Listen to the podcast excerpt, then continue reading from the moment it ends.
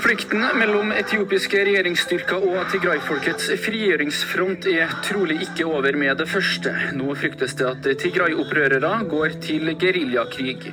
Tusenvis av mennesker er trolig drept i kamper allerede, og over 45 000 har flykta til nabolandet Sudan. Helt siden begynnelsen av november 2020 har Øst-Sudan mottatt opptil 60 000 flyktninger som flykter fra den pågående konflikten i Tigray i Nord-Etiopia. Konflikten har resultert i flere militære sammenstøt ved grenseområdene til Sudan, hvor flere sivile har blitt skadet. I dag har konflikten vart i nærmere tre måneder, og flyktningstrømmene fortsetter. Stemningen mellom Etiopia og Sudan blir stadig mer anspent, og samtidig ser ikke konflikten i Tigray ut til å roe seg ned. Men hva er egentlig grunnen til at så mange flykter fra Etiopia? Og hvilke problemstillinger står Sudan ovenfor dersom nabolandet nærmer seg en åpen borgerkrig? Du hører på Hvor og hvorfor, en podkast av Bergen Global. Mitt navn er Victoria Kroft Reier. Og mitt navn er Håkon Hov Martinsen.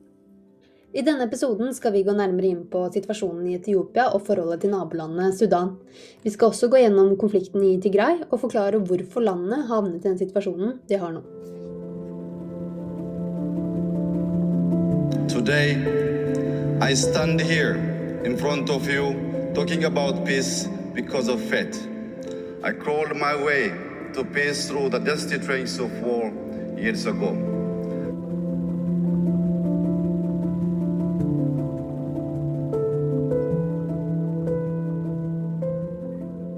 Etiopia er et av landene i Afrika som aldri ble kolonisert, og er en av de eldste statsdannelsene i Afrika og verden. Da andre verdenskrig tok slutt, gikk landet inn i en løs føderasjon med nabolandet Eritrea. Denne koalisjonen har i ettertid vist seg å være grobunnen for en konflikt mellom de to landene, som flere ganger har kulminert i full krig. I 2018 ble Abiy Ahmed valgt som statsminister og satte i gang flere prosesser for å oppnå en fredsavtale med Eritrea. I 2019 vant han Nobels fredspris for å ha fått denne avtalen i land, men har i ettertid blitt kritisert for ikke å leve opp til verdiene han vant prisen for. Den siste tiden har statsministeren også fått skylden for at en ny konflikt har blusset opp i landet, som blir omtalt som Tigray-konflikten. Denne konflikten har igjen påvirket forholdet til nabolandet Sudan, og er derfor et viktig element for å forstå dagens situasjon i Etiopia.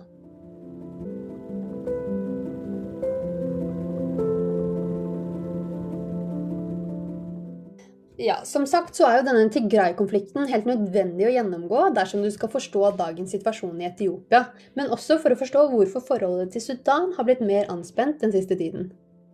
Tigray er en region plassert i Nord-Etiopia, på grensen til Sudan, og er et eksempel på en etnisk region. Men Håkon, eh, hva betyr egentlig den betegnelsen en etnisk region? Ja, Det som da er situasjonen her, det er at Etiopia i dag det består av mer enn 90 90 etniske grupperinger, og syv av disse grupperingene omfatter mer enn en million mennesker. Naturligvis så legger ikke slike etniske skillelinjer til rette for en veldig stabil politisk situasjon i landet. Men etter den etiopiske borgerkrigen i 1991 så utviklet den regjerende koalisjonen i Etiopia en statsform som bygde på etnisk baserte regioner og politiske partier. Tigray-regionen i Nord-Etiopia er en av de større etniske regionene, og er et godt eksempel på hvordan dette har utviklet seg kanskje i feil retning.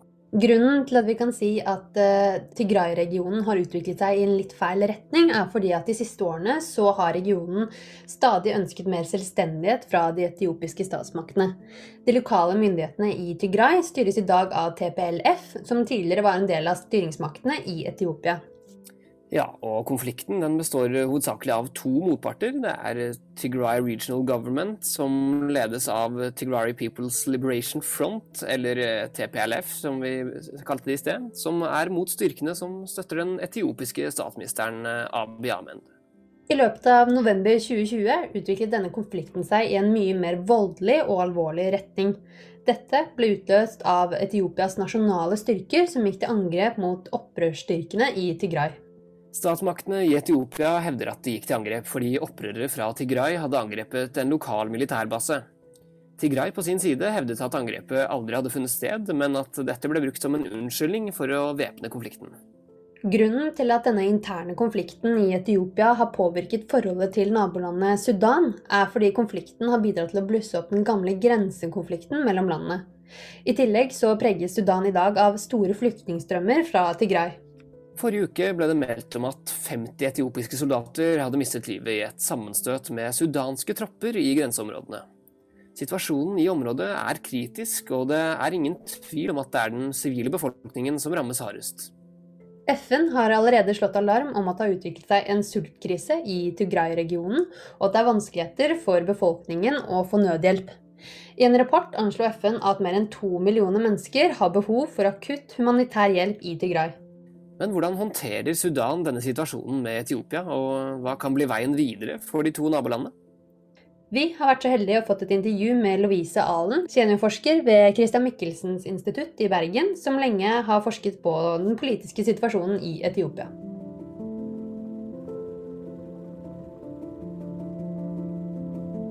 Jeg heter Lovise Aalen. Jeg er forsker på Christian Michelsens institutt. Jeg har jobbet med politikk på Afrikas Horn i vel 20 år. Jeg har jobbet mest med politikk i Etiopia, eh, men har også etter hvert eh, hatt en del feltopphold og forskning i Sudan. Abiy Ahmed han eh, uttalte at den konflikten vi så nå, den kom til å være over ganske kjapt. Hvor sannsynlig ser du på det at han har rett i det? Så han sier jo at konflikten egentlig er over, fordi de har tatt kontroll over regionalhovedstaden i Tigray. Eh, og de har eh, satt inn en midlertidig administrasjon i regionen der oppe i nord. Men så har de jo ikke tatt eh, de hovedlederne i den opprørsbevegelsen TPLF. De er fremdeles på flukt eller gjemmer seg. Og så får vi jo stadig rapporter om det er trefninger. Eh, og selvfølgelig også rapporter om eh, at eritreiske soldater opererer på bakken i Tigray. Så det er jo ikke over i den forstand at det fremdeles er store utfordringer med sikkerhet. Hva gjør en slik konflikt som vi ser nå med naboforholdet Sudan og Etiopia mellom, da? Det som vi først så, er selvfølgelig at eh, mange fra Tigray, sivilbefolkning og andre fra Tigray strømmet over grensen eh, til Sudan, østlige Sudan. Nå er det vel oppi kanskje 60 000. Det ble spådd at det skulle være enda flere enn det. Eh, og det gjør jo selvfølgelig at eh, det blir et veldig press på lokalsamfunnet i østlige Sudan. Og så blir det jo også et sånt spørsmål om hva skal Sudan gjøre? De ønsker å ha et eh, vennlig forhold, i hvert fall opprinnelig et vennlig forhold til Etiopia. Det å ta imot flyktninger fra befolkningen som på en måte det etiopiske regimet kjemper mot, vil det bety at eh, Etiopia ser på eh, Sudan som å støtte opprørerne. Så det har vært diskusjoner om dette hele veien. Og så har det jo også vært eh, beskyldninger fra etiopisk side om at de ønsker å stoppe denne flyktningstrømmen. Det var meldt om trefninger mellom sudanske og etiopiske tropper eh, rett før helgen, hvor opptil 50 etiopiske soldater ble drept ved grensen. Eh. Det er vel mer en litt anspent stemning? Ja. Det er jo òg eh, igjen veldig vanskelig å få bekreftet informasjon. Eh, altså, etiopiske myndigheter har jo lagt seg på den linjen at de, de blokkerer all tilgang for internasjonale journalister osv. i Tigray. Og også har vist seg ikke være så veldig meddelsomme i forhold til det som skjer i, på grenseområdet. Um, men, men, det som skjedde da, etter at, uh, at uh, de etiopiske føderale styrkene gikk inn i Tigray i begynnelsen av november, natt til 4. november, var at um, Sudan på en måte brukte det maktvakuumet som det førte til i andre deler av Etiopia, til å eh, rykke frem og ta kontroll over et veldig omstridt område grens, på grensen mellom Etiopia og Sudan. Eh, og det var et område som man hadde hatt en sånn slags enighet om at etiopere kunne få lov å bruke og dyrke. De kunne gå over grensen. Det var en sånn soft, power, eh, soft border avtale som var lagd i 2008. Der man på en måte anerkjente at det var sudansk land, men etiopere fikk lov å gå over grensen og dyrke, for det er en veldig fruktbart land. Um, og det er mangel på land på etiopiske siden. Eh, når krigen brøt ut i Tigray i november, så gikk sudanske styrker inn og tok kontroll over det landet. Eh, Etiopia sier jo at det var dårlig gjort at de brukte, brukte utnyttet et vagt øyeblikk eh, i Etiopia til å ta kontroll over dette landet. Og så har det jo igjen ført til at eh, amhara, altså det er den etniske gruppen som er rett over grensen fra Sudan, eh, disse, som er knyttet til disse bøndene som dyrker jordene. Amhara milits, med hjelp av uh, usikkert hvilke enheter av etiopiske regulære styrker, har da gått til motangrep igjen for å prøve å ta kontroll Eh, og så hadde man en forsøk på å sette ned en komité og bli enige om det i desember, og det lykkes ikke. Og så har man fått trefninger igjen, og det har vært eh, gjensidige beskyldninger om, om eh, angrep. Eh, og usikkert hvor mange som er drept på begge sider. Eh, det har vært flyvåpen involvert.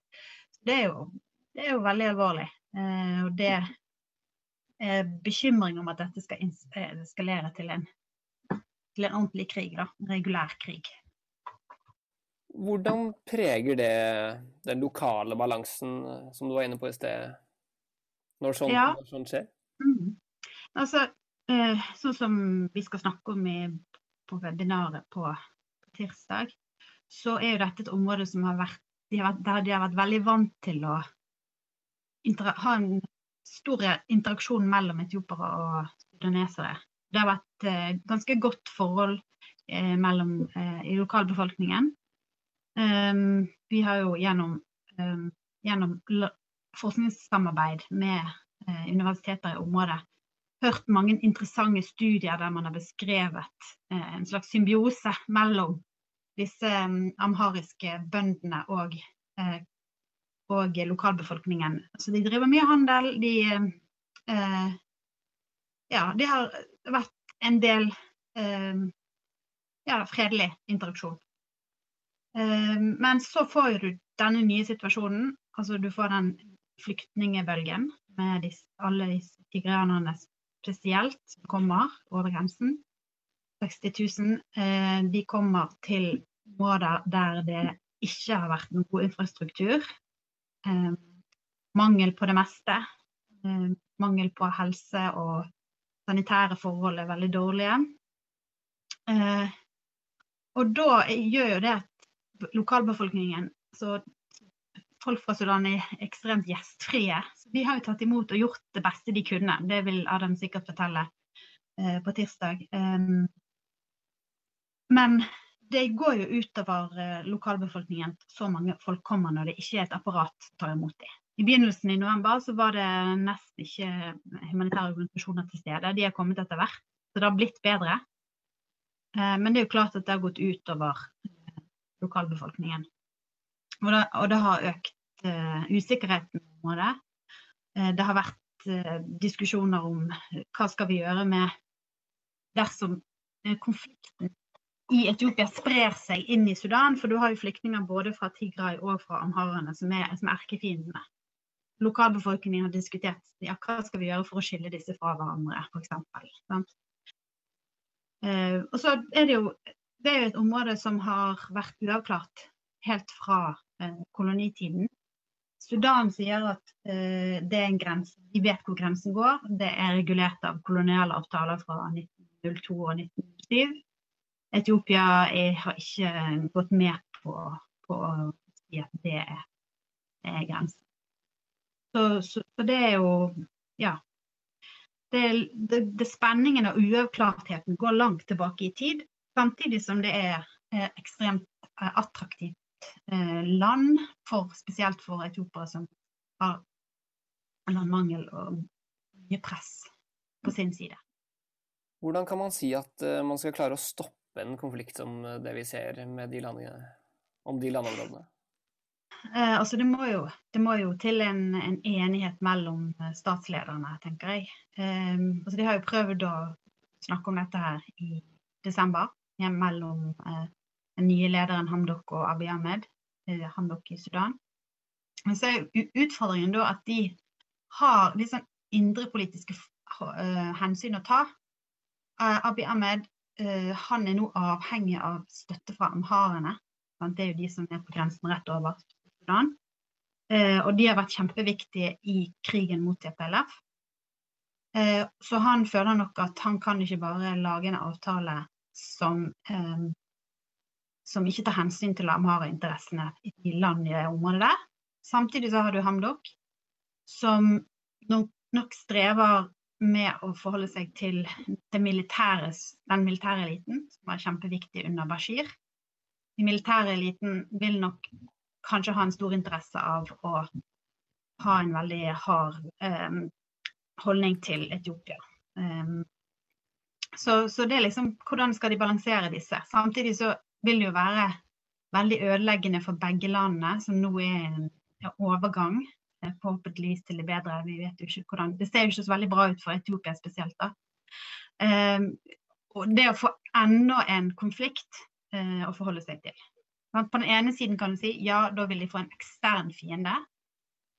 Uh, men på den andre siden så vil de jo bruke mye ressurser uh, på det, sånn at man ikke klarer å håndtere andre konflikter internt. Det er jo en ekstremt vanskelig balanse her. Det er vel også et element man må ta i betraktning. Er Etiopia i stand til å gå ut i en tofrontskrig? Ja. Nei, altså det Jeg har egentlig ikke mulighet til å si noe om det. Altså, eh, det ville være ekstremt vanskelig når du tenker på at de nå faktisk ikke eh, har slått ned motstand fullstendig. Eh, så, så, det vil være vil gjøre situasjonen enda mer sårbar for Abiyan. Så er det jo en, et annet tema som kompliserer dette òg ytterligere. Det er jo denne dammen på Nilen. Um, Etiopia har jo bygget en svær dam som skal ikke bare sørge for elektrisitetsforsyningen til Etiopia, men også eh, eksport av strøm. Eh, Sudan har lenge vært enig i for så vidt at den skal bygges, og at eh, de har ikke sett på det som et så stort problem. De har tenkt at dette kan vi løse, og vi kan få en mer regulert Eh, vannføring fra Nil osv. Men så de siste årene så har, har, Egypt klart å få Sudan over på sin side. Og både Egypt og Sudan uttrykker stor bekymring for eh, hva som skjer når man da etter hvert begynner å regulere dette vannet. Man har begynt å samle opp vann i dammen nå, man er ikke i full drift. Og, og det, det, det, er jo bare 20 km fra grensen eh, til, eh, Sudan. Så, så den, eh, det er veldig betent, og det har ikke, man har ikke klart å finne noen løsning på dette. Selv om man har hatt diskusjoner i Sikkerhetsrådet og USA har vært inne og prøvd å forhandle. Mm. Hvor betent vil man si den situasjonen er? Nei, altså Det har jo Jeg husker det vel var før i høst snakket vel eh, kom vel Trump noen sånn slengbemerkninger om at ja, ja, Egypt kan vi jo bare bombe den dammen, vel. Um, så heldigvis så er jo eh, afrikanske statsledere faktisk kanskje litt mer fornuftige enn Trump, så jeg tror ikke det vil skje. Uh, men, men at, um, at, det hele tiden er et element som kommer inn uh, når man snakker om diskusjonen uh, om, om, å forklare konflikten mellom Etiopia og Sudan nå, så vil jo Etiopia si at det er Egypt som står og pusher Sudan for å gå til angrep på Etiopia i, som en del av eh, denne konflikten om dammen. Så, så, men, men, eh, så, så at, det, at, det kan, at, det, bidrar til en veldig spent situasjon Jeg tror ikke kanskje at det vil være noen direkte eh, angrep på dammen eller Men at det liksom er en sånn proxy leder til mange forskjellige typer konflikt som er en symptom på den spente situasjonen pga. dammen. Det er jeg sikker på. Seminaret er jo allerede på tirsdag. Hva vil du si er det viktigste elementet i den diskusjonen dere skal ta opp? Altså, jeg tenker at uh, uh, det webinaret gir en veldig god mulighet til å få perspektiver direkte fra Gdare, fra grenseområdene. Det blir jo fra sudansk side. Eh, så, så, da kan man egentlig få en bedre forståelse av hva en sånn egentlig stormaktskonflikt betyr for eh, en lokalbefolkning. Det er på en måte det vi har vært når uh, han Adam som skal være med i webinaret, han har faktisk også gjort en del intervjuer og um, gjort et studie på uh, forholdet i Daref.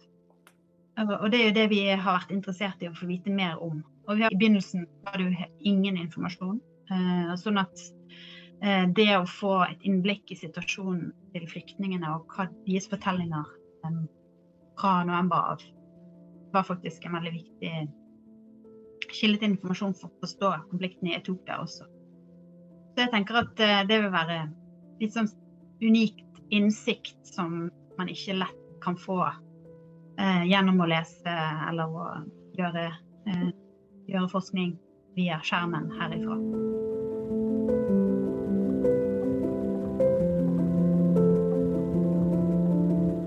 Ønsker du å høre mer om eh, denne konflikten? På tirsdag neste uke vil Lovise Alen i selskap med to andre forskere gå dypere inn i tematikken om Sudan og Etiopia. Her vil de se på dynamikken rundt grensediskusjonen og hvordan Sudan håndterer flyktningstrømmene over grensen. I tillegg vil de se på den sudanske grenseprovinsen Gedarif, og hvordan konflikten i nabolandene og flyktningstrømmene har påvirket hverdagen for folket her. Ønsker du en oppdatering om hvilke arrangementer vi har i løpet av uka? På våre nettsider kan du melde opp til vårt ukentlige nyhetsbrev. I tillegg kan du følge oss både på Instagram og Facebook for å få med deg våre ferskeste arrangementer.